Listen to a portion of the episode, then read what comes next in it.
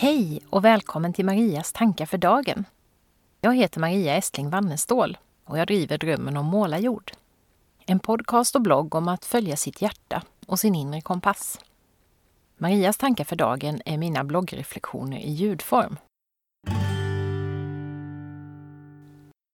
Idag skulle jag vilja dela några tankar om den typ av inre röst som har att göra med de lite större vägvalen i livet.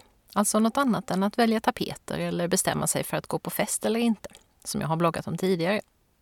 En fundering som jag ofta hör hos personer som inte riktigt känner att de har hittat någon tydlig kompassriktning i sånt som yrkesliv och relationer är Det finns ju så många röster. Hur ska jag veta vilken som är den som hjälper mig att gå åt rätt håll?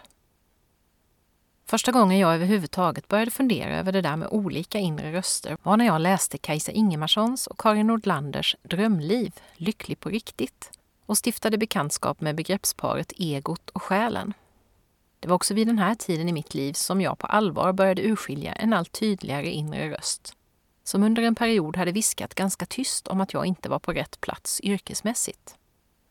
Och det var faktiskt efter att ha läst den där boken som jag bestämde mig för att ta ett av de största steg jag har tagit i mitt liv. Att säga upp mig och hoppa av min trygga, välbetalda och statusfyllda akademiska karriär utan att ha en tydlig plan för vad jag skulle göra istället. Jag ska inte påstå att jag efter att ha läst boken hade full koll på vad de där båda rösterna stod för. Men någonting fick jag definitivt med mig. Jag insåg exempelvis att egot ofta vill hindra oss från att utmana oss själva genom att måla upp skräckscenarier över vad som kan hända om vi söker det där jobbet, närmar oss en människa vi är intresserade av, byter boende eller gör något annat som känns stort och läskigt. Egot gör detta i all välmening för att skydda oss från någonting som upplevs som farligt. Men det kan också skapa onödiga hinder för vår utveckling. Själens röst däremot visar för oss vad det är som får oss att växa och blomstra som människor. De tankefrön som den planterar hos oss skapar nyfikenhet, glädje och lust, även om en sån förändrad riktning innebär att vi måste kliva utanför vår trygghetszon.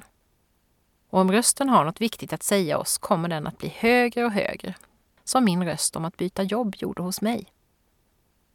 Min poddgäst Therese Högberg är inne på samma tankar i vårt samtal.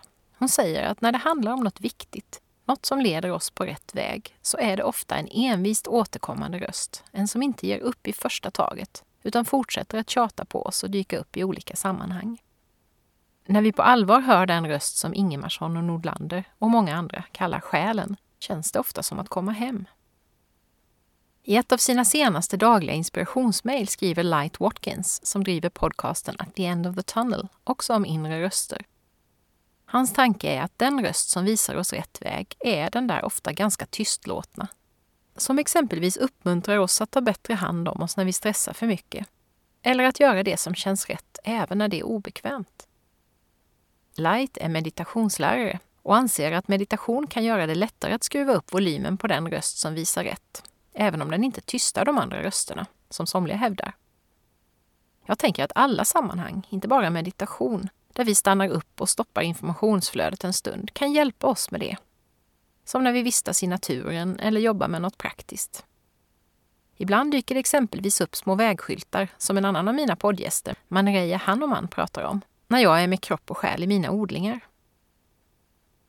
Kanske den inre röst som leder dig i rätt riktning en dag helt enkelt hörs så tydligt att den inte går att strunta i längre. Kanske det en dag är dags att lyssna och agera. Och kanske är det genom att träna på småsaker i vardagen, som tapetval och festdeltagande, baserat på vad du vill, snarare än på trender, normer eller förväntningar, som du blir bättre på att höra just din inre röst, även när du står vid de stora vägskälen.